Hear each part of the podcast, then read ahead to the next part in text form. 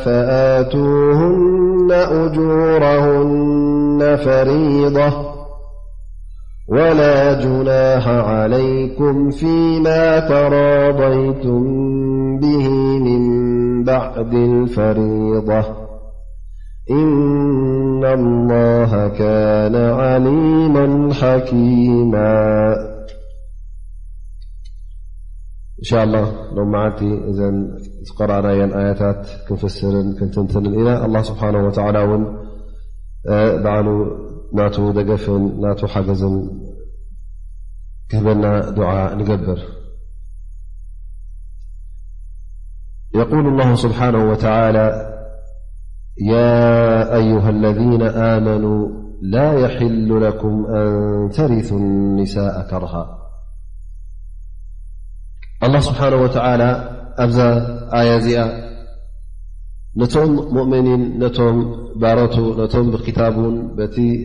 መልእኽቲ ነቢና ሙሓመድ ለ ላ ለ ወሰለም ሒዞሞ ዝመፁ በዚ ዝኣመነ ሰብ ፃውዒት የመሓላልፈሉ ኣሎ ኣላ ስብሓን ወተላ ያ አዩሃ ለذነ ኣመኑ ስለዚ እንታይ እዩ ዝፃውዒት እዚ ብድሕሪኡ ዝመፅእ ትእዛዝ ኣሎ ማለት እዩ ወይ ከዓ ብድሕሪኡ ካብ ገለ ነገር ክትክልከል እተ ኮይኑ ውን ካብኡ ክትክልከል ዘለካ ስለ ዝኾነ ፀሊልካ ትሰምዕ ማለት እዩ ላ ስብሓን ወተላ ነቶም ሙእምኒን ይፅውዖም ኣሎ እዚ ፃውዒት እዚ ድማ ብድሕሪኡ ዘስዕቦ እንታይ እዩ እቲ ኣላ ስብሓን ወተላ ዝሓረመሎም እቲ ሓላል ዝኾነ እቲ ሓራም ዝኾነ ይበርሃሎም ማለት እዩ الإمام البخاري عن بن عباس عبملل بن عباس يا أيها الذين آمنوا لا يحل لكم أن ترثوا النساء كرها الله سبحانه وتعالى بن عباس يقول كانوا إذا مات الرجل كان أولياؤه أحق بامرأته إن شاء بعضهم تزوجهاوإن شاوا وجوها وإن شاءوا لم يزوجوها فهم أحق بها من أهلها فنزلت هذه الآية يا أيها الذين آمنوا لا يحل لكم أن ترثو النساء كره ستيت أ م يكنت موت كل ع እቲ ዝገደፎ ኣቕሓ ልክዕ ከምኡ እያ ትውረስ ነራ ኣብ ግዜ ጃሂልያ ማለት እዩ ላኪን ላ ስብሓን ወተላ እዛ ጓል ሰብ እዚኣ ኣቕሓ ከምዘይኮነት ሰብኣያ ክመውት እንከሎ ብድሕሪ ሰብኣያ እተ ተሪፋ እዛ ሰብ እዚኣ ከምቲ ንብረት ዝገደፎ ከምቲ ሰብኣያ ዝገደፎ ንብረት ከምኡ ልክዕ ትውረስ ዝነበረት ኣላ ስብሓን ወተላ እዚ ጉዳይ እዚ ቁኑዕ ከም ዘይኮነ የብርሃልና ኣሎ ማለት እዩ ኣብ ግዜ ጃህልያ እንተ ሓደ ሰብኣይ ሞይቱ እሞ ከዓ ኣብ ማለት ኣብ ትሕቲኡ እተ እዛ ሰበይት እዚኣ ብ ዓቕዲ ዓቂዱላ ነይሩ ሰበይቱ ነራ ኮይና እቶም ኣሕዋቱ እቶም ስድርኡ ኣቦኡ ኮይኑ ኣሕዋቱ ኮይኑ ደቁ ኮይኖም እሶም እዮም ክንድላዮም ነዛ ሰብ እዚኣ ዝማቐልዋ ነይሮም ማለት እዩ ስለዚ እሳ ድላይ ናታ የብል ድልት ናታ ይረአይ ነበረን ወይ እውን ድልት ናይ ስድራ ቤታ ናይ ኣቦኣን ናይ ኣሕዋታን ናይቶም ካብኦም ተወለደቲ ስድራ ይሕተቱ ይነበሩ እንታይ ደኣ እቶም ወርስቲ ናዚ ሰብኣይ ዝወረስቲ እንተደልዮም ንዕኦም ወስድዋ ይምርዓዋ ማለት እዩ ወላ ወዱ እተ ሩ ኮይኑ ወዱ ካላ ሰይተብኡ እንድያ ን ክምርዓዋ ክእል ነይሩ ማለት እዩ ወይ እውን ሓዉ እተ ኮይኑ ትሓዉ ይወስዳ ኣብኡ ከሎ ምስቲ ዝውረስ ንብረትን ዝውረስ ኣቕሓን ምስኡ ትውረስ ነራ ማለት እዩ እንተደልዮም እውን ናብ ንካልእ የመርዕዋ ማለት እዩ መሃር ክኽፍል ተኣ ኮይኑ ም እዮም እቲ መሃር ዝወስድዎ ማለት እዩ ስለዚ ወይ ከዓ ኣብኡ ከላ እውን ኣይ ትሕቲ ሰብኣይ ነብር ወላ ውን ከይተመርዓወት ኣብኡ ከላ ውን ትነብር ነራ ማለት እዩ ገድፋ እተ ሶም ዘየፍቀዱላ ፈፂማ ክትምርዖ ትኽእል ኣይነበረትን ምክንያቱ ካብ ስድረኣ ብዝያዳ ካብቶም ኣህሊ ቤታ ካብ ኣቦኣን ካብ ኣሕዋታን ብዝያዳ መን እዮም ዝቆፃፀርዋን ኣብ ትሕቲ መን እያ ነራ ኣብ ትሕቲቶም ኣዝማት ሰብኣያ እያ ነራ ማለት እዩ ላኪን ኣላ ስብሓን ወተላ እዛ ኣያ ኣውሪዱ እቲ ቁኑዕ እንታይ ከም ምኳኑ ነዛ ሰብ እዚኣ ክትወርሳ ከምዘይፍቀደካ ንኣብነት ንሕና እቲ ብባህሊ ወይ ከዓ ብዘረባ ዘረባ ዝብልዎ እንተ ሓንቲ ሰበይቲ ሰብኣያ ሞይቱ እሞ እቲ ሓሙታ እተ ዓቕዲ ገይሩና እንታይ እዮም ዝብሉ ሽዑ እንታይ ይበሃል ወሪስዋ ኣብሉካ ግን ቁኑዕ ኣይኮነን እዚ ኣ እዛ ሰብ እዚኣ ኣይትውረስን እያ እወ ምናልባሽ ኣብ ክንዲ ካልእ ሰብ ዝምርዓዋቶም ደቂ ሓዉ ኣብ ክንዲ ካልእ ሰብኣይ ተመርዕያ ኣብቲ ክንትሕትኦም ትነብር ምናልባሽ እዚ ሰብ እዚ ይምርዓዋ ማለት እዩ ክምርዓዋ ከሎ ውን ብፈቓዳ ክምርዓዋ ኣለዎ ብሰፍቓድ ስድራ ቤታ እንተ ሕራይላ እያ ዳኣ እንበር ከገድዳ እውን ኣይክእልን እዩ ስለዚ ሓዊ ሰብኣያ እንተ ክምርዓዋ ኮይኑ ወሪስዋ ክበሃል እውን የብሉን ን ላ ስብሓን ወላ እቲ ምውራህ ዝበሃል እዮ ወሪስዋ ማለት ኣብኡ ከሎ ብዘይ መሃር ብዘይ ፍቓዳ ብዘይ ድሌታ ብዘይ ፍቓድ ስድራ ቤታ ኣብ ትሕቲኡ እተ ክእትዋ ኮይኑ እዚዩ እቲ ምውራስ ማለት ላኪን እንተ እዚ ሰብ እዚ ንሳ ፈትያ ሕራይ ኢላ ስድራዓ ፈትዮም እሱ ተሰማሚዖም ከም ብሓድሽ ዓቅዲ ካብቲ ዕደታ ምስ ወደአት እተ ዓቅዲ ገይሩላ ወሪስዋ ክበሃል የብሉን እንታይ ኣ ተበርዒዋ እዩ ዝበሃል ብቲ ናይ ሸርዒ ኣገባብ ስለ ተበርዓዋ ስብሓ ስለዚ እዚ ዓይነት ኣወራርሳ እንተ ሰብኣያ እተ ሞይትዋ እቶም ስድራ ቤቱ ከም ኣቕሓ ክቆፅዋ የብሎምን እንታይ ደኣ እዛ ሰብ እዚኣ ጥራይ ዕዳ እዩ ዘለዋ እቲ ዕዳ ምስ ጨረሰት ልክዕ እዛ ሰብ እዚኣ እተ ክትምርዖ ኮይና ዝደልየቶ ትምርዖ እሳ ትሕተት እቲ ወሊ ኣምራ ድማ እቶም እንዳ ሰብኣያ ኣይኮኑን መን ደኣ ናብቲ ውላያ ናብ መን እዩ ዝምለስ ናብቶም እንዳቦኣን ናብ ኣሕዋታን ናብቶም ሓቦታታን እዩ ዝምለስ ማለት እዩ እቲ መንጎኣ ናብ መንጎ ሰብኣያ ዝነበረ ብሞት ተበቲኹ ማለት እዩ እታ ዕዳ ንኣርባዕተ ወርሒን ዓሰርተ መዓልትን ጥራይ ሰኪማ ካብኣ ንንዮ ግን ንሳ ንዝደለየቶ ሰብ እተ ዝፈተወቶ ሕራይ ዝበለቶን ንዕኡ ትምርዖ ማለት እዩ እንተ ካብቶም ኣላ ስብሓን ወተላ ዘፍቀዱላንክትምርዓዎም ዘፍቀዱላ እተ ኮይኑ ማለት እዩ ፈየቁል ላ ስብሓን ወተላ ያ ኣዩሃ ለذ ኣመኑ እቲ ቀዳማይ ሕጊ ንቲ ቀዳማይ ሕኩም ኣላ ስብሓን ወተላ ዘመሓላልፎ ዘሎ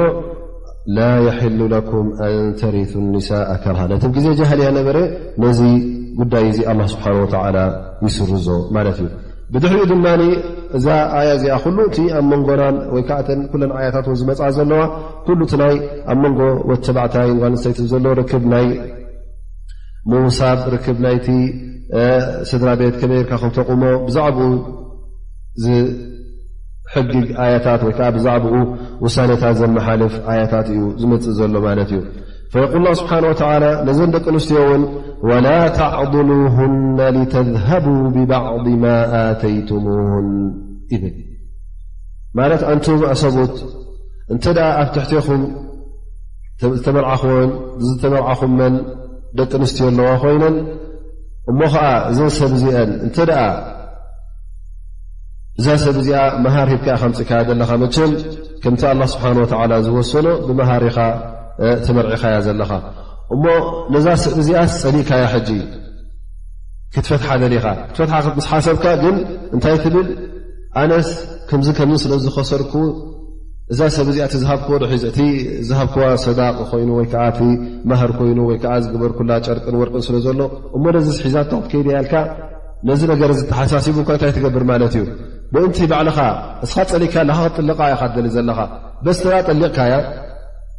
ጥራይ ክተሪፈልካ ሓሲብካ እንታይ ትገብር ማለት እዩ ነዛ ሰብ እዚኣ ትዳይጋ ተፃብበላ ማለት እዩ ክሳዕ እንታይ ትገብር እሳ ጠላቕ ከም ትጠልብ ትገብራ ማለት እዩ ላ ስብሓን ወላ ካብዚ ጉዳይ ዘጠንቀቐና ማለት እዩ ወላ ተዕضሉና ኣይ ላ ትضሩና ፊ ልዕሽራ ኣብቲ ናብ ኣይተጻብቡለን ኣይተካፍኡለን ሕማቕ ናብራ ንክትነብር ኢልካ ማለት ኣብ ትሕቲኻ እንዳ ዘላ እሞ ሕማቕ ናብራ ከንብራ እ ምእንቲ ምንታይ ምእንቲ እቲ ዝሃብክዋ ሰዳቅ እቲ ዝሃብክዋ መሃር ገዲፋ ፎ ጨርቅኻ ፎ ወርቅኻ ኢላ ንክትወፅእ ኢልካ ሓሲብካ እዚ ነገር እዚ እተ ሓሳብ ኣለካ ኣላ ስብሓን ወላ ዓብ ጌጋ ከም ምኳኑ በዛ ኣያ እዚኣ የብርሃልና ኣሎ እዚ እውን ዓብ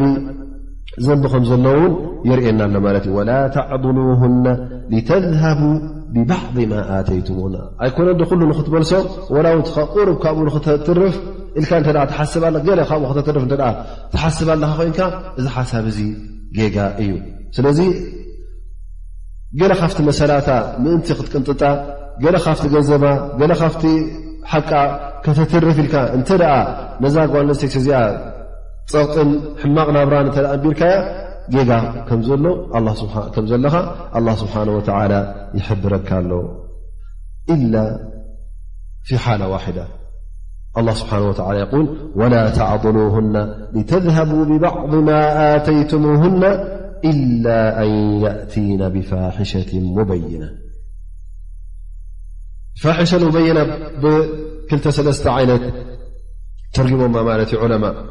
መብዝሕቶም ዑለማ የቁሉን ኒ ብذ ፋሒሸة ሙበይና ኣይ ኣዚና ይብሉ ፈለካ እተ እዛ ሰብ እዚኣ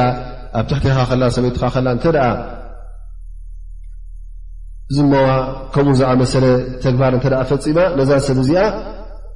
ባዕላ ነቲ መሰልካ ስለ ዝገሃሰቶ እሞ እዛ ሰብ እዚኣ ፀሊእካያ ኸ ዘለኻ በቲ ዝገበረቶ ኣ እዚ ካብ ሸርዒ ዝወፅ ስለ ዝኾነ ነዛ ሰብ እዚኣ እተ ኣፃቢብካላ ምእንቲ እቲ ካባኻ ዝወሰደቶ ገዲፋ ንክትወፅ እተ ኣፃቢብካላ ኣብዘ ኩነት እዚ ወይ ከዓ ኣዚ ኩነታት እዚ እፍቀደካ ማለት እዩ ንኸተፀበበላ ምክንያቱ እዛ ሰብ እዚኣ እቲ ዓብዪ ወንጀል ስለ ዝፈፀመት እሞ ከዓ ሕጂ ነዚ ኢላ ኣን የእቲና ብፋሕሻ ፋሕሻ ኣዚና ቃል ባዕም ካልኦት ውን እንታይ ኢሎም ኣንሹዝ ንሹዝ ኣብ ርእሱ ክኣ ተኽእል እዩ እዛ ሰብ እዚኣ ወይ ከዓ ኩሉ ዘማልእ ክኾኑ እማ ፋሕሸት ዚና ዝምዋ እንተ ገይራ ወይ ከዓ እዛ ሰብ እዚኣ እንተ ንዓኻ ንሹዝ ብትዕቢትን ብልዑልነት እትርእካ ኮይና ንዓኻ ኩሉ ግዜ ኣብ ክንዲ ከም ጓል ንሰይቲ መጠን ብትሕትና ምሳኻ ብፅቡቕ ትነብር እንታይ ደኣ ኩሉ ግዜ ንዓኻ ከተናሽውን ብመልሓሳ ይኹን ብገብራ ይኹን ንዓኻ ኩሉ ግዜ ትጎድዕካ እተ ኮይና ኣብዚ ሰዓት እዚ እስኻ እውን እዛ ሰብ እዚኣ ባዕላ እቲ ጉዳይ ስለ ካብቲ ሕጊ ስለ ዝወፀት ካብቲ ኣላ ስብሓን ወተዓላ ዝሓንፀፆ ገደብ እሳ ስለ ዝወፀት ነዛ ሰብ እዚኣ እተ ፀቢብካና ኣላ ስብሓን ወተዓላ ኣብዚ ኩነታት እዚ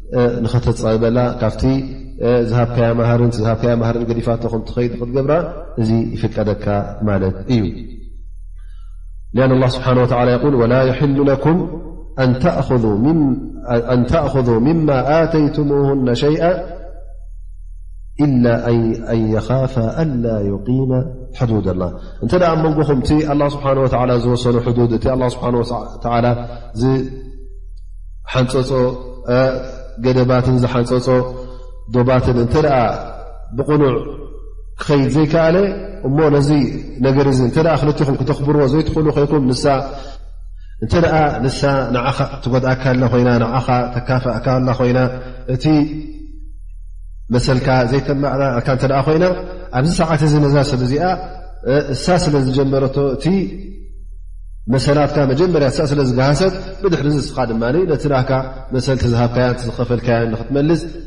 ናትካ መሰልን ናትካ ሓቅን ከም ምኳኑ ኣላ ስብሓን ወተላ ኣብዚ ኣያ እዚኣ ይፍቅደልካ ኣሎ ማለት እዩ ላኪን እቲ ቐንዲ ነገር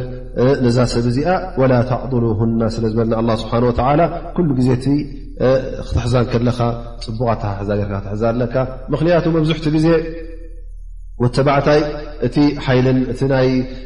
ቅዋማ ኣብ ኢዱ ስለ ዝኾነ መብዝሕቱ ግዜ እዎ ካብተን ደቂ ኣንስትዮ ዝጋገያ ኣለዋ ዝጋገያ ውን ኣይሰኣናንየን ብዙሓት እውን ይኾና ግን መብዝሕቱ ግዜ ወተባዕታይ እሱ እዩ እቲ ኣብ ኢዱ መብዝሕቱ ናይ ፍትሕ ኣብ ኢዱ እዩ ዘሎ ኣብ ርእሲኡ እውን ነዛ ሰብ እዚኣ ብናይ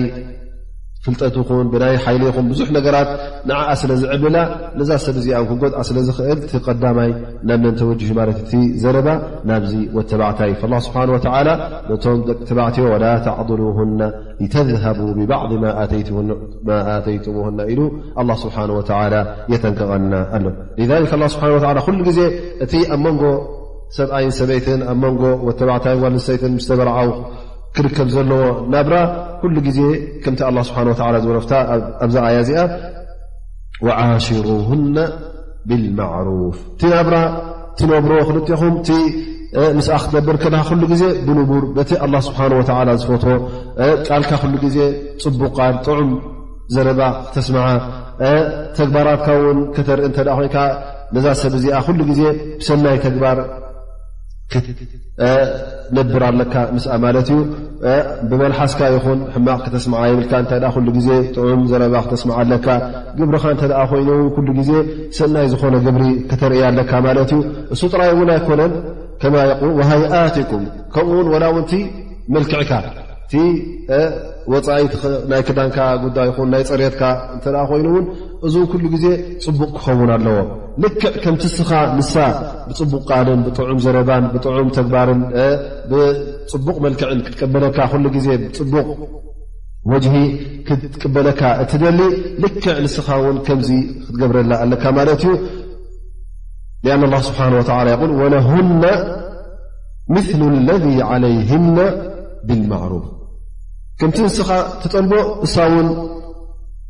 ትጠልቦ እያ ማለት እዩ ስለዚ እቲ መሰልካ ክሕልወልካ እንዲኻ ብ ዘለካ እስኻ ውን መሰላ ሓልወላ ኢኻ ዓሽሩሁና ብልማዕሩፍ ብቃልኩም ብምንቅስቃሳትኩም ብተግባርኩም ብኩሉ እንትናኹም ብሰናይ ብንቡር በቲ ኣላ ስብሓን ወላ ዝፈትዎ በቲ ኣብቲ ህረተሰብ ቅቡል ዝኾነ ነዛ ሰብ እዚኣ ብክብርን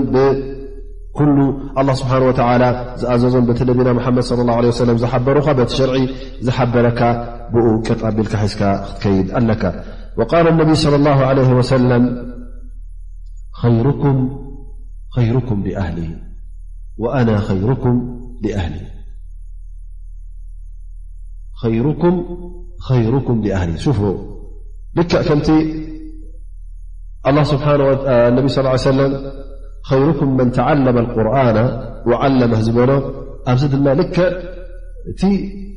ብሉፅ ዝኾነ ሰብ እቲ ኣላ ስብሓን ወላ ዝፈት እቲ በዓል ር እቲ ብሉፅ ዝኾነ መን እዩ ኸይሩኩም ኸይሩኩም ኣህሊ እንተ ሓደ ሰብ ኣብ ስድራ ቤቱ ር ዘይብሉ እተ ኮይኑ ምንባብ ኣውላ ኣብቶም ካልኦት ሰባት እውን ር የብሉን ማለት እዩ እቲ ብዝያዳ ር ክገብረሉ ዘለካ መን እዩ እታ ትሕቴኻ ዘላቶም ቤተሰብካቶም እታ ሰበይትኻ እያ ፈሊ ነቢ ስ ሰለ ወኣና ኸይሩኩም ሊኣህሊ እቲ ዝበለፀ ካባኻትኩም እንቶም ብሰናይ ንስድራ ቤቶም ዝሕዙ ኣነ እየ ኢሉ እነቢ ለ ላ ለ ወሰለም እዚ ሓዲስ እዚ ኣመሓላሊፉና ማለት እዩ እዘን እንተ ብሉፅ ክትከውን ኮንካ ኣብ ቅድሚ ኣላ ስብሓ ወ ቅድሚ ነቢና ሓመድ ሰለም በቲ ሸርዕ እስልምና ዝኣዘዞ እተ በዓል ሰናይ በዓል ር ከም ምኳንካ ክትፍለጥ ተ ኮይንካ ኣበይኻ ትልለ ማለት እዩ ኣብቲ ሙዓመላ ንስድራ ቤትካ ተዓምሎም ሰበይትኻ ከመይ ጌርካ ከምትሕዛን ከመይ ጌርካ ከምትናብያን ማለት እዩ ወነቢ ስ ሰለ እተ ርእናዮም እቲ ናቶም ጠባይ ምስ ስድራ ቤት እንታይ እዮም ሮም ከማ ነ ካነ ጀሚል ሽራ ጀሚል ኣልዕሽራ ዳእም ብሽር ማለት ወትሩ ሕጉስ ማለት እዩ ኩሉ ግዜ ፍሽኽ ምስ በለ ምስ ሰሓቐ ስድራ ምስ ስድርኡ ከምዚ ልክዕ ጥዑም ዕላሉ ወትሩ ሕጉስ በዓል ሰናይ ትብሎ ከምኡ እዮም ነሩ ነቢና ሓመድ ص ه ሰለም ዩዳዒቡ ኣህለ ወየተለጠፉ ብሂም ኩሉ ግዜ ይዕልሎም ማለት ዩ ስድራ ቤቶም ይዕልሎም ነሮም ይስሕቁ ምስኦም ኩሉ ግዜ ዕላል ፀወታ ይርእዩ ነሮም ማለት እዩ ወይ ኣብ ርእሲኡ ከማ ካብቲ ሕስብ ማዕሸር ዝበሃል ድማ ኣተውስዓ ፍ ነፈቃ ግደ ሰባት ኣብ ደገ ክትሪኦም ከለኻ ለጋስ የውፅእ ንዓርኩ ይህብ ነቲ ይህብ ን ሻስቶ ከምዝንግበር እናበለ ኣብ ገዛ ክትሪኦ ከለኻ ግን ነዛ ስድራ ቤት ኣብኣ ከሎ ብጥሜት ቀትልዋ ትረኽቦ ማለት እዩ ኪሎ ሽኮር እተ ኣምፅኡ እታ ኣዋንኩም ወዲእኩምዎ እናበለ ይበኣስ ኣብ ደገ ግን ምሉእ መዓልቲ ሻሂ ክሰቲ ምስ ተማዕርኹ ኣይሓትትን ማለት እዩ እዘ ኣተውስዓ ፍነፋቃ እተ ኣ ስብሓ ወላ ረዚቑካ ኣሎ ቀዳማት ነቶም ሰናይ ትገብረሎም ሰብ መን እዮም እታ ሰበይትኻን ቶም ደቅኻን ቶም ስድራ ቤትካን እዮም ስለዚ እንተ ኣ ስብሓ ወላ ረዝቂ ሂቡካ ሽሻ ሂቡካስ ከተፃውበሎም የብልካን ኩሉ ግዜ ክትልግሰሎም ደኣ ኣለካ እነቢ ስ ሰለም ን ምስ ሰለስቶም ይስሕቁ ነይሮም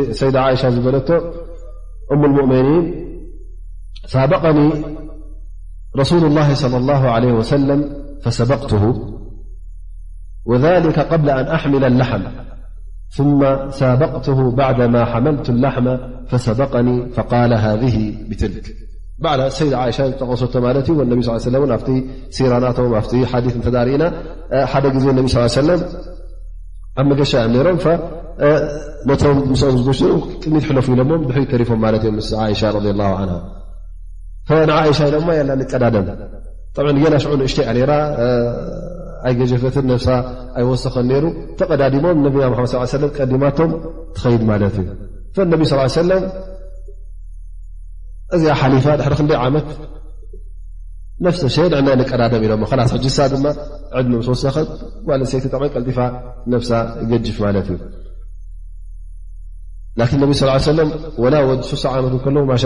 ኣብ ጅሃድ ኣብ ምንቅስቃስ ስለ ዝነበሩ ነብሶም ድልዱል ነይሩ ማለት እዩ ቀዳደሙ ኣለዉ እነቢ ስ ሰለም ይቅድምዋ ማለት እዩ ሕጂ እንታይ ብልዋ ባረዥ ኮይና ኣነ ንስኽን እታ ዝሓለፈት ስዒርክኒ ኣነ ድማ ሕጂ ስዒረኪ እዚ ሕጂ እነቢ ስ ሰለም እንታይ እዮም ዝገብርዎ ነይሮም ማለት እዩ መስሓቅ መፀወታ ምስ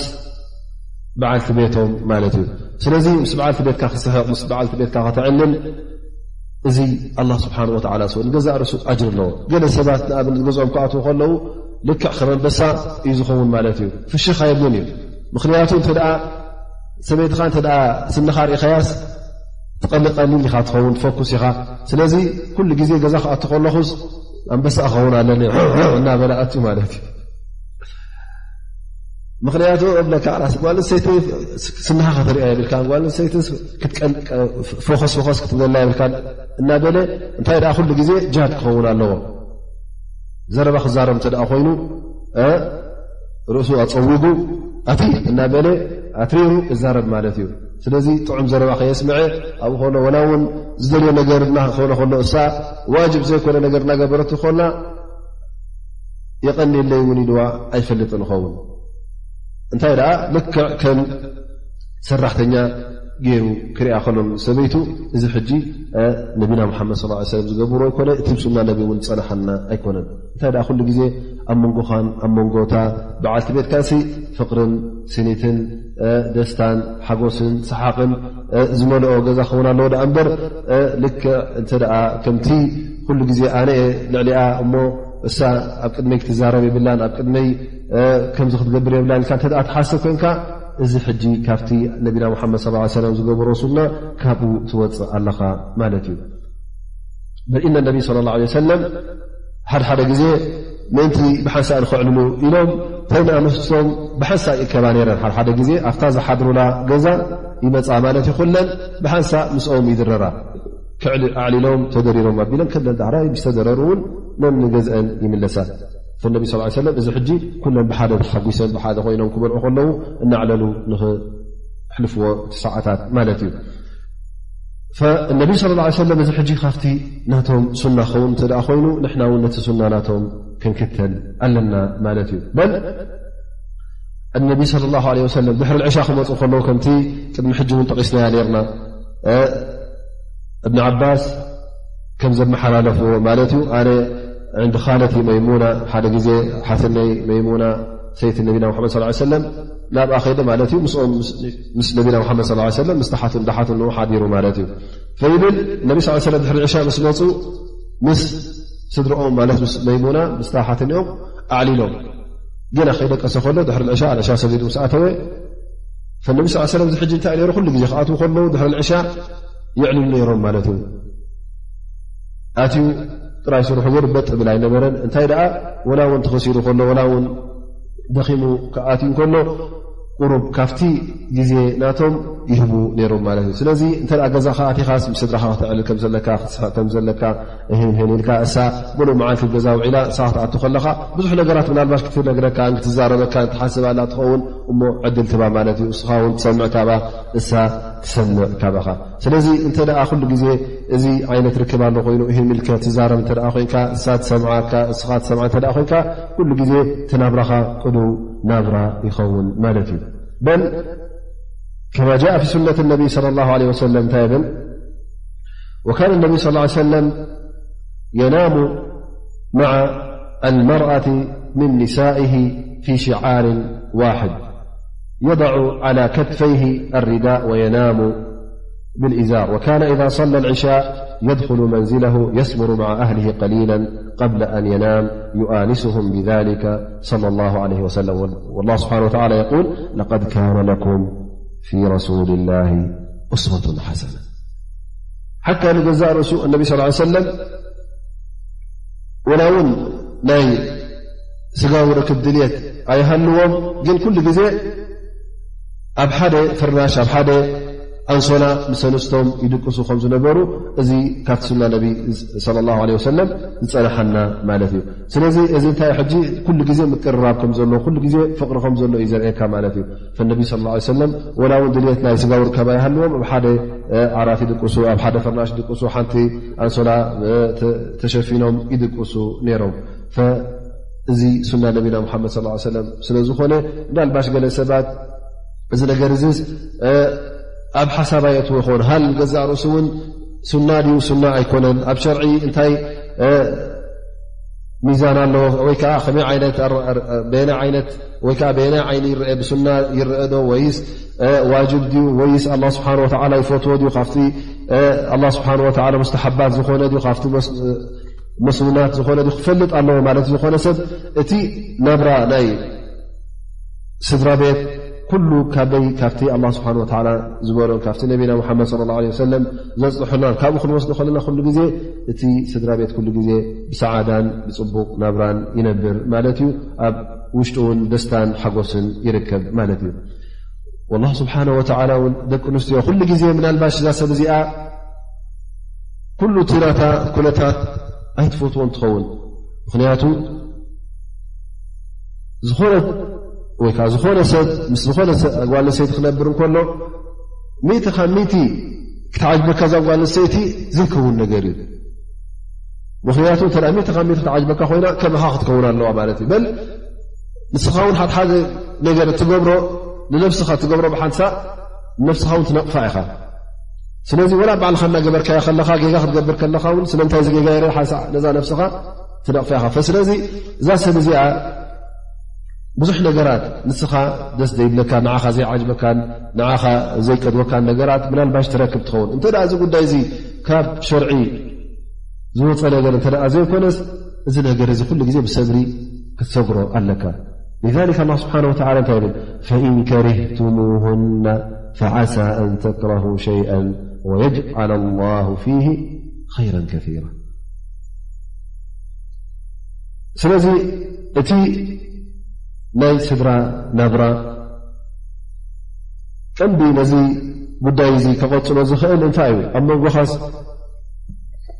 ሰብሪ ክህሉ ኣሎ ትዕግስቲ ጌርካ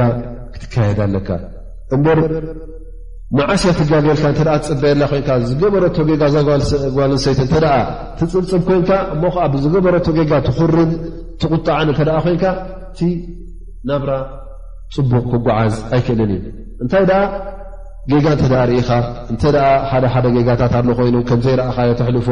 እሞ ወይ ከዓ እተ ዓብ ጌጋ ኮይኑ እውን እናመኸርካ ጌጋ ከም ምኳኑ እና ኣብራህካ ላ ክትከይድ ከለኻ እዚ ሕጂ ነቲ ጉዳይ ብትዕግስቲ ትሓልፎ ኣለኻ ማለት እዩ ስለዚ እና ገለገለ ነገራት እና ፀላእካዮ ከለኻ እንተ ብትዕግስቲ ሓሊፍካዮ ኣላ ስብሓን ወተዓላ ምናልባሽ እዛ ሰብ እዚኣ ነዘን ሓደ ክልተ ነጥብታት ጌጋ ርክብካላ ዘለኻ ኣላ ስብሓን ወተዓላ ብዙሕ ር ወይ ከዓ ብዙሕ ሰናይ ነገር ካብዛ ሰብ እዚኣ ውን ይምፃእልካ ኸውን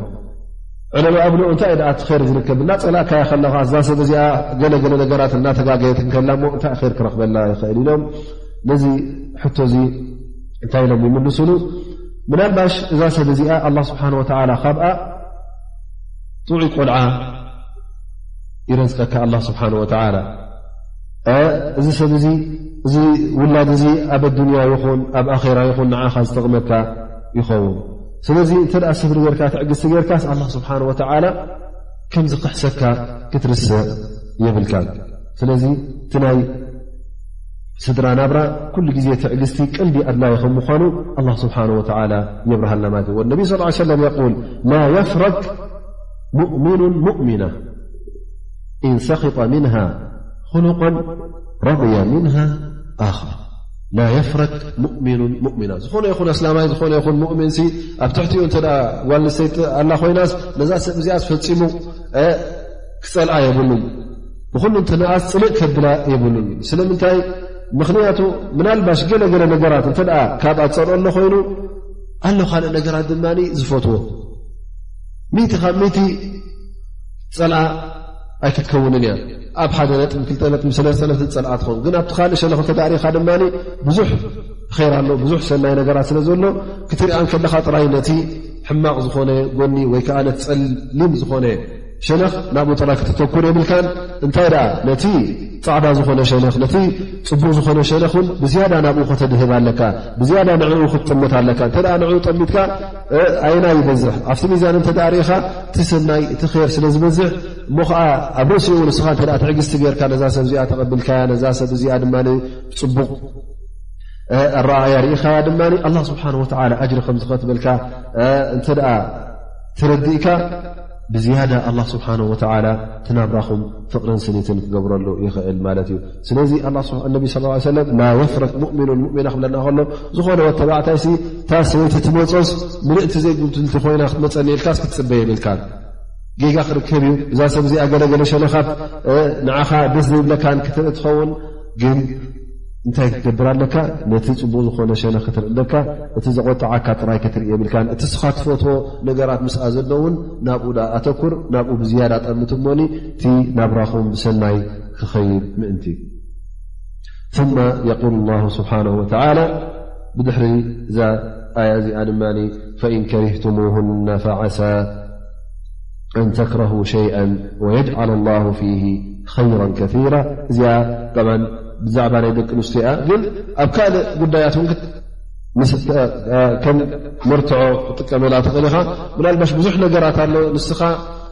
እዚ ነገር እዚ ኣይጠቅምን እዩ ኢልካ ወይ ከዓ ኣይረብሕን ኢልካ ትጥምቶ ኣላ ስብሓን ወተላ ኣብኡ ብዙሕ ፅቡቕ ነገራት ይገብረካ ምናልባሽ ኣብ ውላድካ ናባሽ ካብቶም ውላድካ ሓደ ዘይረብሕ ኮይኑ ትሪኦ ነርካ ትኸውን ግን ድሕሪ ክንደ ዓመታት ተረእኻ ትዝሓሸ ዝበለፀን ንሱ ይኸውን ስለዚ ኩሉ ግዜ እንታይ ክትርእ ኣለካ ማለት እዩ ሓደ ነገር እንተ ፀሪእካዮ ፈፂምካ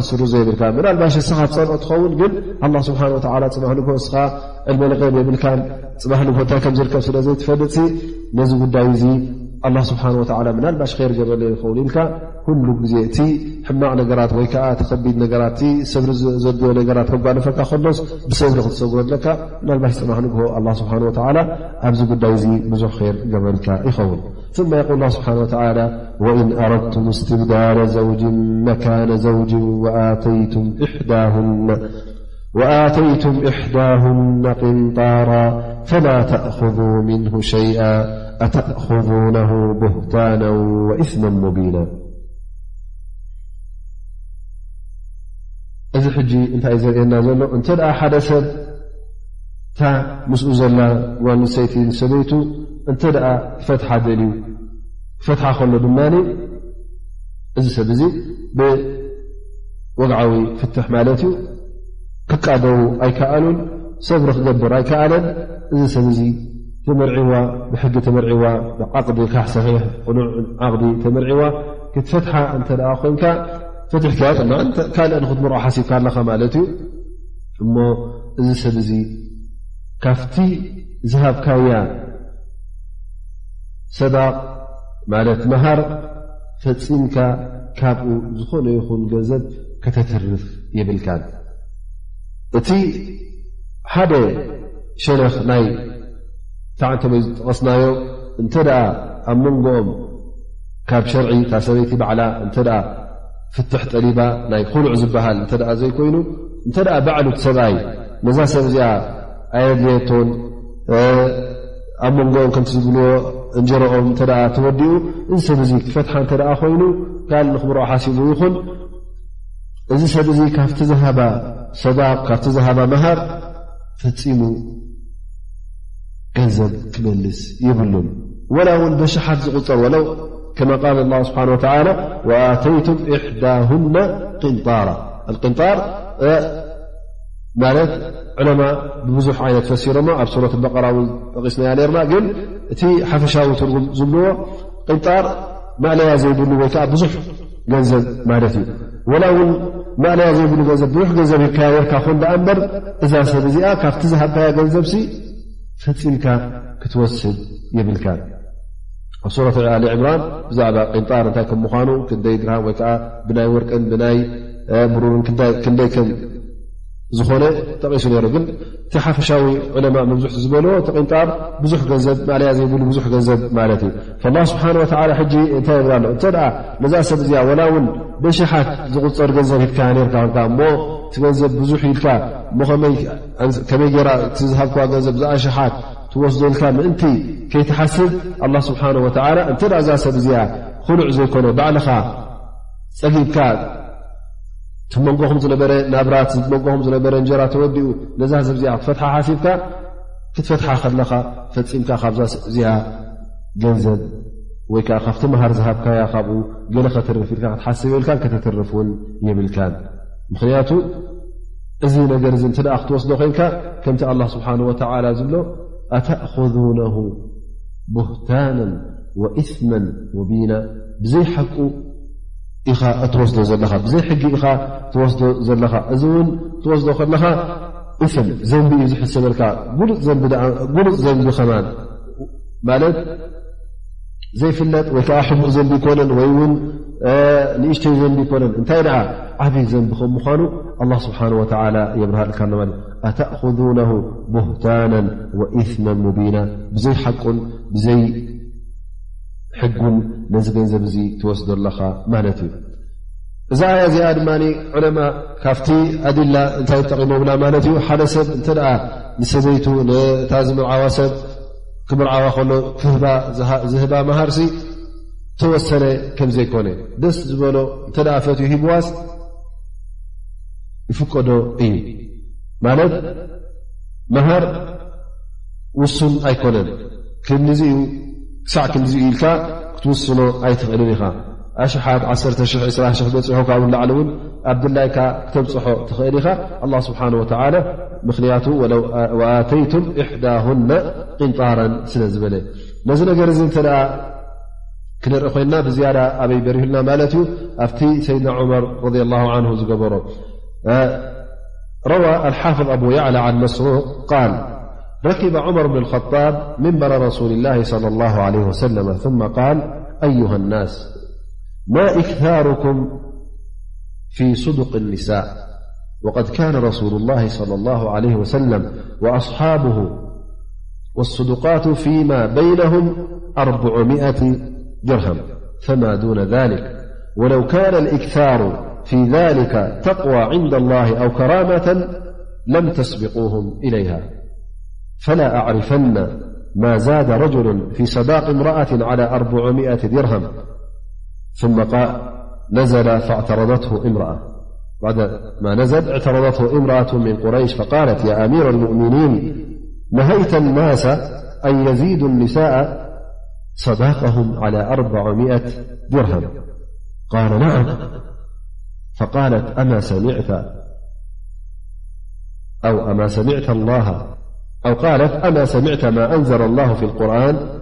قال وأي ذلك أقالت أما سمعت بقوله تعالى وآتيتم إحداهن قنطارا إلى آخر الآية فقال اللهم غفرا كل الناس أمنمرثم رع فركب المنبرفقال إني كنت نهيتكم أن تزيدو النساء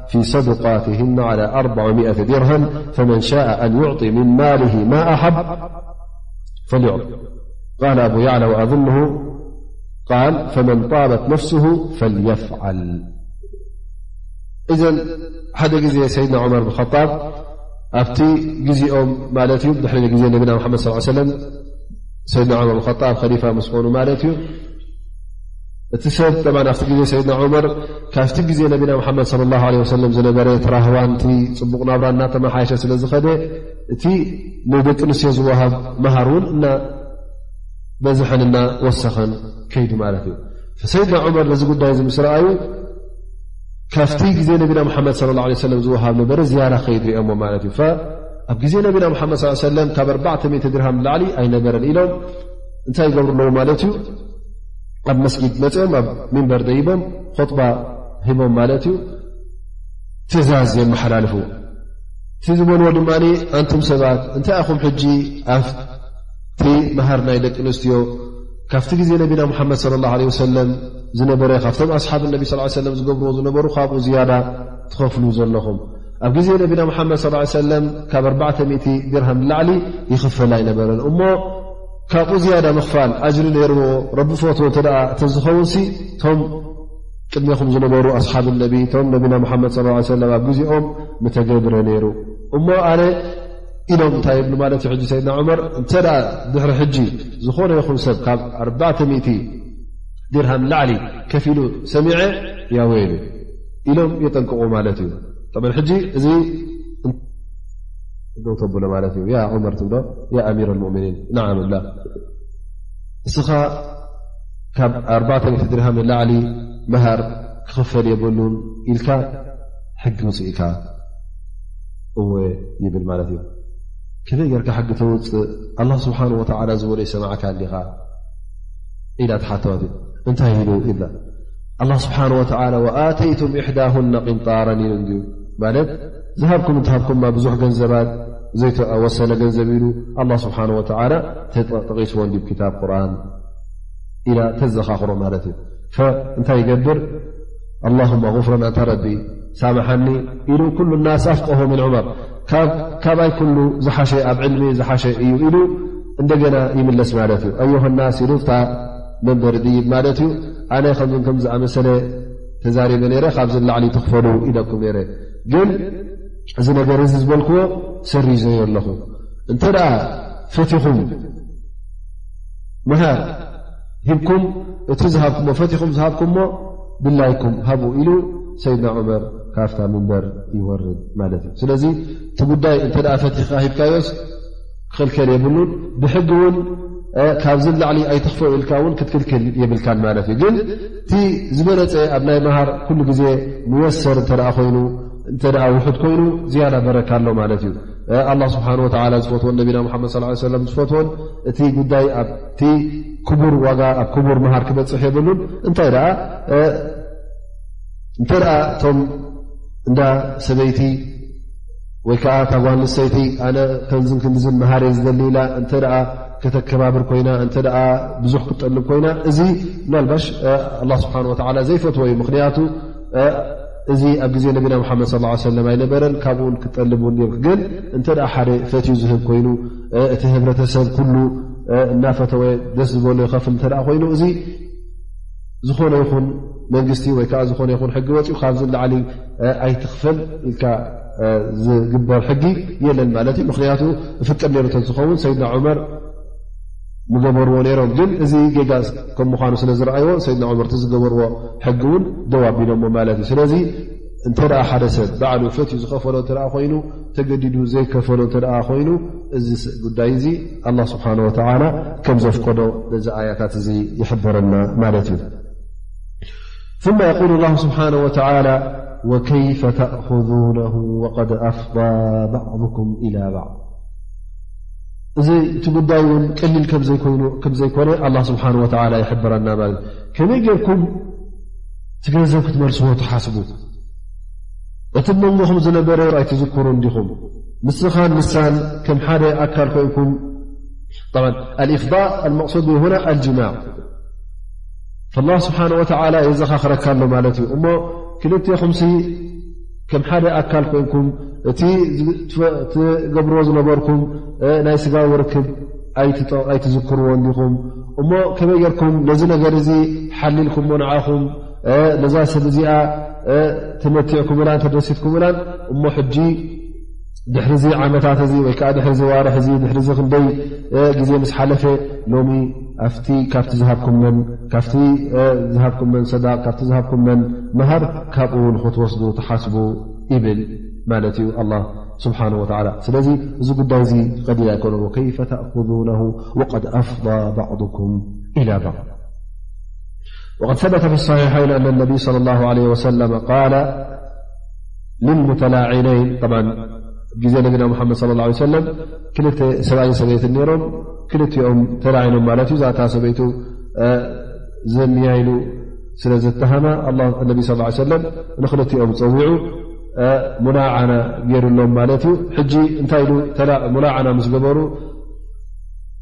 ምስ ጨረሱ እንታይ ይብል ነቢ ስ ሰለ ኣላሁ ያዕለሙ ኣነ ኣሓድኩማ ካድብ ማለት ምክንያቱ እቲ ሰብኣያ ዘምያኢሉ ዝጥርጠራ እሳ ድማ ኣይዘመኹን ኢላ ማለት እዩ ክልኦም ምሒሎም ክልኦም ክምሕሉ ከለዉ ግዲ ናይ ግዲ ሓደኦም ሓሲ ኣሎ ማለት እዩ ወይ ሰብኣይ ብዘይከውን ጠርጢርዋ ኣሎ ማለት እዩ ወይ ሳ እውን ጌራን ከላ ሓስያ ኣይግበርኩን ኢላ ማለት እዩ እቲ ነቢ ስ ሰለም እንታይ ብል ኣላሁ የዕለሙ ኣነ ኣሓድኩማ ካድብ ፈሃል ምንኩማ ታኢብ ኢሉ ሰለስተ ሻዕ ነዛ ይጠቕሳ ሓደኹም ካባኹም ተባ ዝብል ዘሎ ኣላ ስብሓን ወላ ሓደኹም ከም ዝሓሰወ ፈሊጡ ኣሎ ይብል ፈቃል ረጅል ሕጂ ቲ ሰብኣይ እንታይ ይብል ያ ረሱላ ላ ማሊ ሙላዓና ምስ ገበሩ ጠብ እቲኣ ኸላስ በቲ ሙላዓና ዝገበርዎ እቲ ኣብ መንጎኦም ዝነበረ ዳርጋዚኦም ሕጂ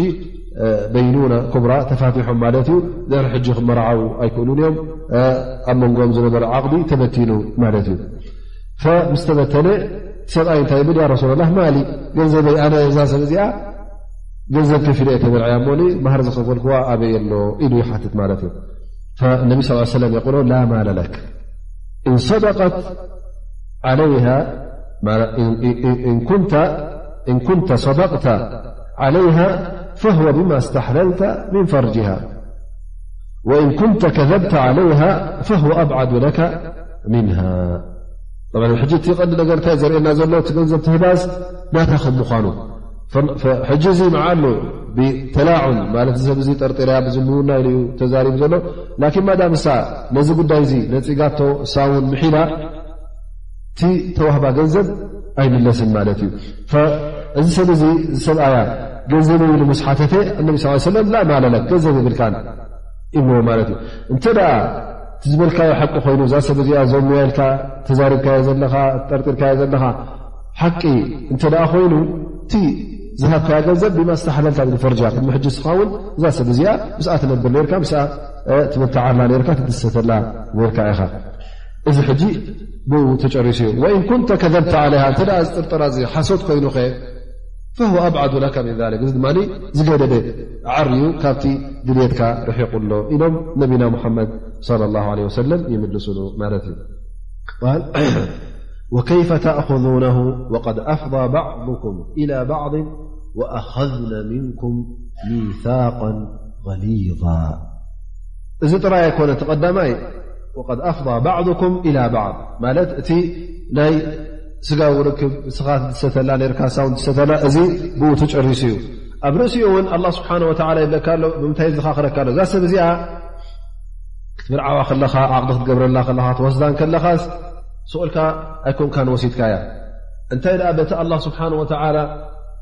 ዝወሰኖ ሕግን በቲ ኣላ ስብሓን ወተዓላ ዝወሰኖ ገደባትን ነዛ ሰብ እዚኣ በቲ ክታብላ ስብሓን ወላ ብሱና ነቢን ኢልካ ኢኻ ወሲድካያ ዘለኻ እሞ በቲ ኣላ ስብሓን ወተዓላ ዝሃባ መሰል እቲ ኩሉ ኣላ ስብሓን ወተዓላ ዝሓለወላ መሰል ክሕልወላ ኢልካ ኢኻ ኣቲኻያ ዘለኻ ተዓቕድኻ ብሸርዒ ኣብ ሸርዒ እስልምና ዝተመርኮሰ እዩ ስለዚ ኣልሚታቅ ቀሊል ዝብል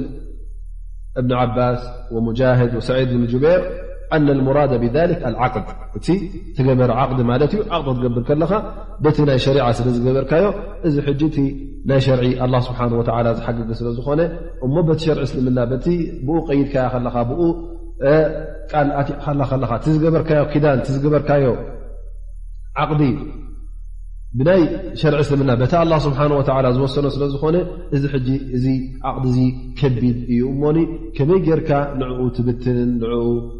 ተበላሹን ኣላ ስብሓን ወተዓላ እዩ እቲ ሰዳቅ ፈርዲ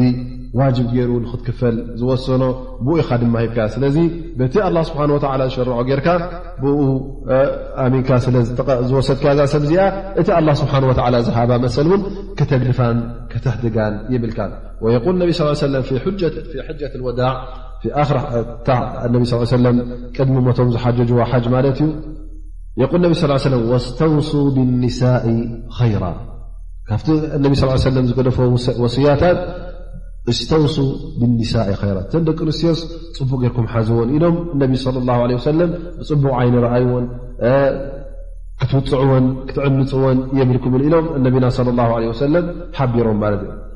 ስለምንታይ ወስተውሱ ብኒሳء ኸይራ ፈኢነኩም ኣኸዝትሙኡና ብኣማን ላህ እዛ ሰብ እዚኣ ክትወስዳ ከለኻ ንዓኻ ኣሚና ኣይኮነትን እንታይ ደኣ በቲ ሽርዒ እስልምና ትምርዓዋ ስለ ዘለኻ እቲ ኣላ ስብሓን ወተላ ዝሃባ መሰል ክትሕልወላ ኢኻ ትወስዳ ዘለኻ ኣ በረይ ነቲ ኣላ ስብሓ ወ ዝሃባ መሰል ክትቅንጥጣ ኣይኮንካ ትወስዳ ዘለኻ ስለዚ እቲ ኣማን ላ ስብሓ ወላ እቲ ኣላ ስብሓ ወላ ንክተኣማመን ዝሃባ መሰላት ክትሕልወላ ኣለካ ወስተሓለልቱም ፍሩጀሁና ብከሊመት ላ እዛ ሰብ እዚኣ ውን ከምተን ካልኦት ደቂ ኣንስትዮ ን ንክትቀርባ ሓራም እያ ነራ ሓላልካ ይነበረት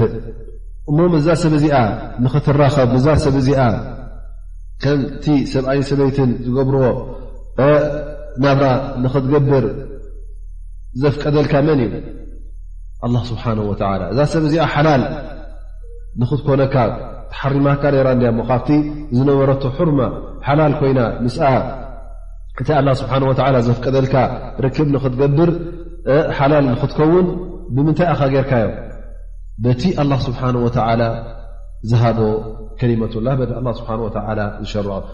ነዛ ሰብ እዚኣ ክትወስዳ ከለኻ ብክታብ ላ ስብሓ ወላ ብሱነት ነቢ ኢልካ ኢኻ ትወስዳ ዘለኻ በቲ ኣላ ስብሓ ወላ በቲ ነቢና ሓመድ ስ ሰለም ዝወሰንዎ ናይ ዓቕዲ ጉዳይ ብመስኻኽር ጌርካ ብመሃር ሂብካ ብወልይ ኣምራ ከዓ ብስድርኣ ንኦም ውን ኣፍቂድካ እሳውን ሕራ ኢልሃካ ክትወስዳ ከለኻ ውን እቲ ኣላ ስብሓ ወላ ዝሃባ መሰላት ኩሉ ንኸተመርኣላ ወሲትካያ ከለኻ ከመይ ጌርካ ነቲ ኣላ ስብሓን ወተዓላ ዝሃባ መሰላት ንዕኡ ትጥሕሶ ማለት እዩ እዛ ሰብ እዚኣ ክትመፀካ ከላ እቲ መሰላታ ክሕልወላ እያ መፅኣ ዳኣ እምበር ንስኻ ክትጭኩናን ንስኻ ከተካፍኣን ንስኻ ክትብህግላን ኣይኮነትን መፅኣ ማለት እዩ ፈነቢ ስለ ላ ለ ሰለም እስተውሱ ብኒሳኢ ኸይራ ስለዚ እሰና ትሕቴና ስለ ዘለዋ ዘን ደቂ ኣንስትዮ ኩሉ ግዜ ተገዲስካ እቲ ናተን መሰለን ክትጥሕስ የብልካን እቲ ኣላ ስብሓን ወተዓላ ዝሃበን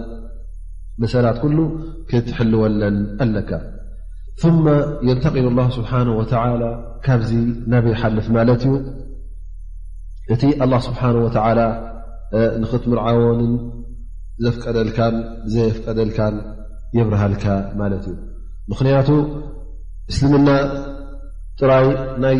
ሰላትን ናይ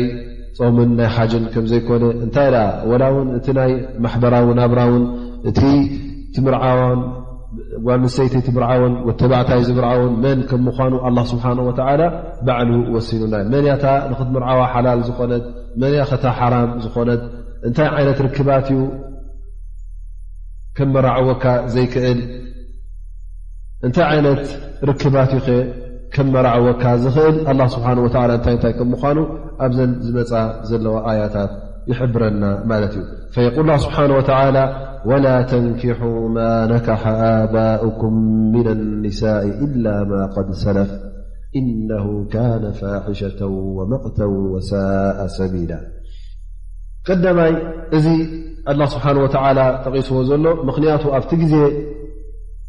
ጃሂልያ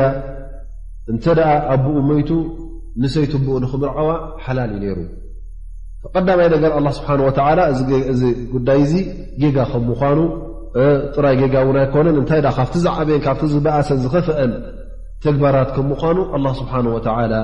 ይሕብሮ ማለት እዩ ሊክ ኣላ ስብሓን ወተዓላ ብኡ ጀሚሩ ማለት እዩ ስለምንታይ እዚ መርዓዚ እንተ ነታ ሰይትቦኻ ተመርዒኻያ እዚ ሕጂ ንቦኻ ተኽብሮ የለኻን ማለት እዩ እቲ ኣብ መንጎኻ ኣብ መንጎ ዝነበረ ክብረት እውን ይጠፍእ ኣሎ ማለት እዩ ذ ه ስብሓ ወ ንሰይተቦኻ እተ ቲ ሕርማ ናይ ሰይተቦ ብሙጀረድ ዓቅድ ገይርዎ ማለት እዩ ሃ ኣምር ሙጅማዕ ዓለ ማለት እተ ኣቦኻ ዝኾነ ሰበይት ዓቅዲ ገይሩላ ላ ውን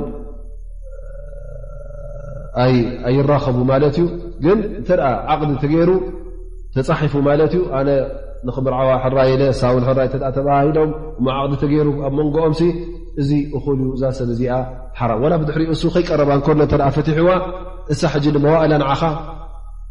ሓራም ትኸውን ማለት እዩ ማሕረምካ ትኸውን ማለት እዩ እሱ ወላ ተፈትሕዋ ሕጂ ፈትሕዋ ን ማሕረሙ ኣይኮነትን ን ንዓኻ እዛ ሰብ እዚኣ ማሕረምካ ትኸውን ማለት እዩ ምክንያቱ ዓቕዲ ስለ ዝገበረላ ላስ ሰይተቦካ እያ ትቁፅር ማለት እዩ ላ ስብሓን ወተላ እዚ ሕጂ ነቶም ኣቦታት ክብሪ ንክህልዎም ክተኽብሮ ነቦኻ ማለት እዩ ኣላ ስብሓን ወተላ እዚ መሰሊ እዚ ሓልሉ ማለት እዩ ፈፂሙ እታ ኣቦኻ ዝቐረባ ወይ ከዓ ወላ ጥራይ ተመርዓዊ ዓቕዲ ጥራይ ዝገበረላስ ክትቀርባ የብልካን ዓቕዲ እውን ክትገብረላ የብልካን እዚ እውን ኩሎም ዕለማ ዘጅምዕሉን ዝተረዳድእሉን እዩ ስለዚ ኣብ ጃሂልያ ግን እዚ ነገር እዚ ሓራማ ኣይነበረን ብሕልፊ እታ ሓፍትኻ ብምርዓው ንኣብነት እዚ ሓትነኻ ኣዴኻ እዚ ሓራም እዩ ነይሩ ግን ክልተ ነገራት ነይረን ኣብ ግዜ ጃሃልያ ሓራም ዘይነበራ እታ ቀዳመይቲ ሰይተቦኻ ኣቦኡ እተ ሞይቱ ሰይተቦኡ ንክምርዖ ሓላል እዩ ነይሩ ማለት እዩ ኣዲኡ ኮነት ሰይተቦ ኢና ማለት ንብላ ና መታ ከይተሓዋወሰኩም ታዲኡስ ሰይተቦ እን ከይንብል ሞ ላኪን ሰይተቦኡ ማለት ደይ ወለደቶ ማለት እዩ ከምኡ ውን ክልተ ኣሕዋት ንክትምርዖ ኣብ ግዜ ጃሂልያ ሕጂ እንታይ ነይሩ ማለት ክልተ ኣሕዋት ብሓንሳእ ማለት እዩ ተጅምዕሃን እዚ ኣብ ግዜ ጃሂልያ ሓላል እዩ ነይሩ ማለት እዩ ሊክ ኣላ ስብሓን ወላ እዚኣ ሕጂ እታ ቀንዲ ነገር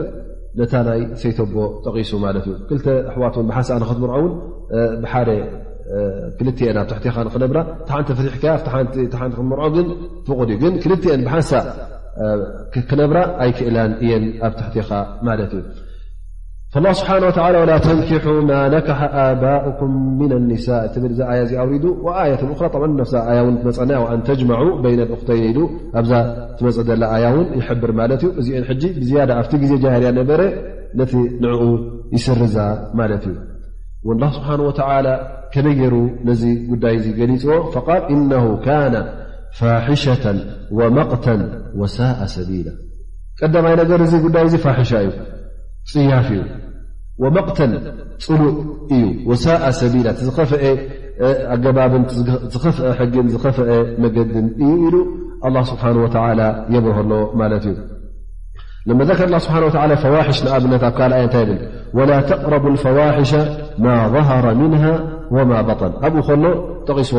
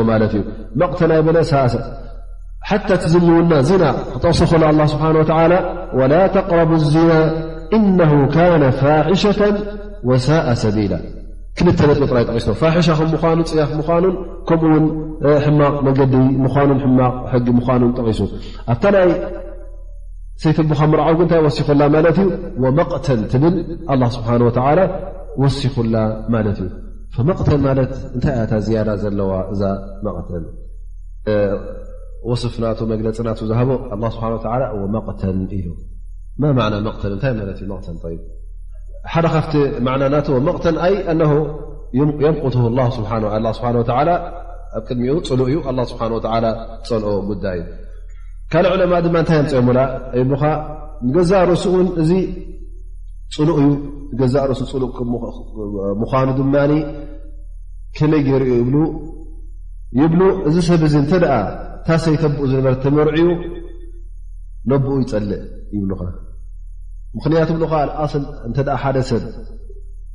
ንኣብነት እንተ ሓንቲ ሰበይቲ ትፈትሓ እስኻ ተመርዕኻያ እቲ ቅድሜኻ ዝነበረ ሰብኣይ ኣይትፈትዎን ኢኻ ፀልኦ ኢኻ ፈኢለ እተ እስኻ ኣቦኻ ዝፈትሓ እተ ተመርዕኻ ወይ እተ ኣቦኻ ምስ ሞተ እተ ተመርዕኻ እያ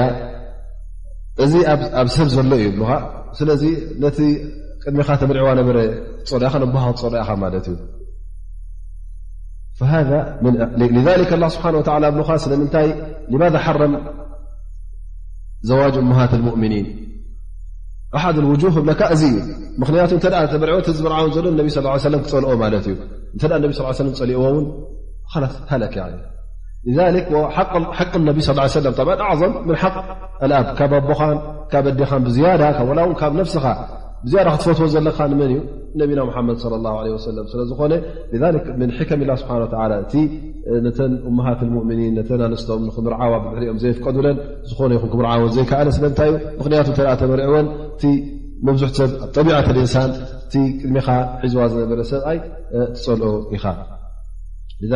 ኣ ስብሓ ነዚ ጉዳይ እ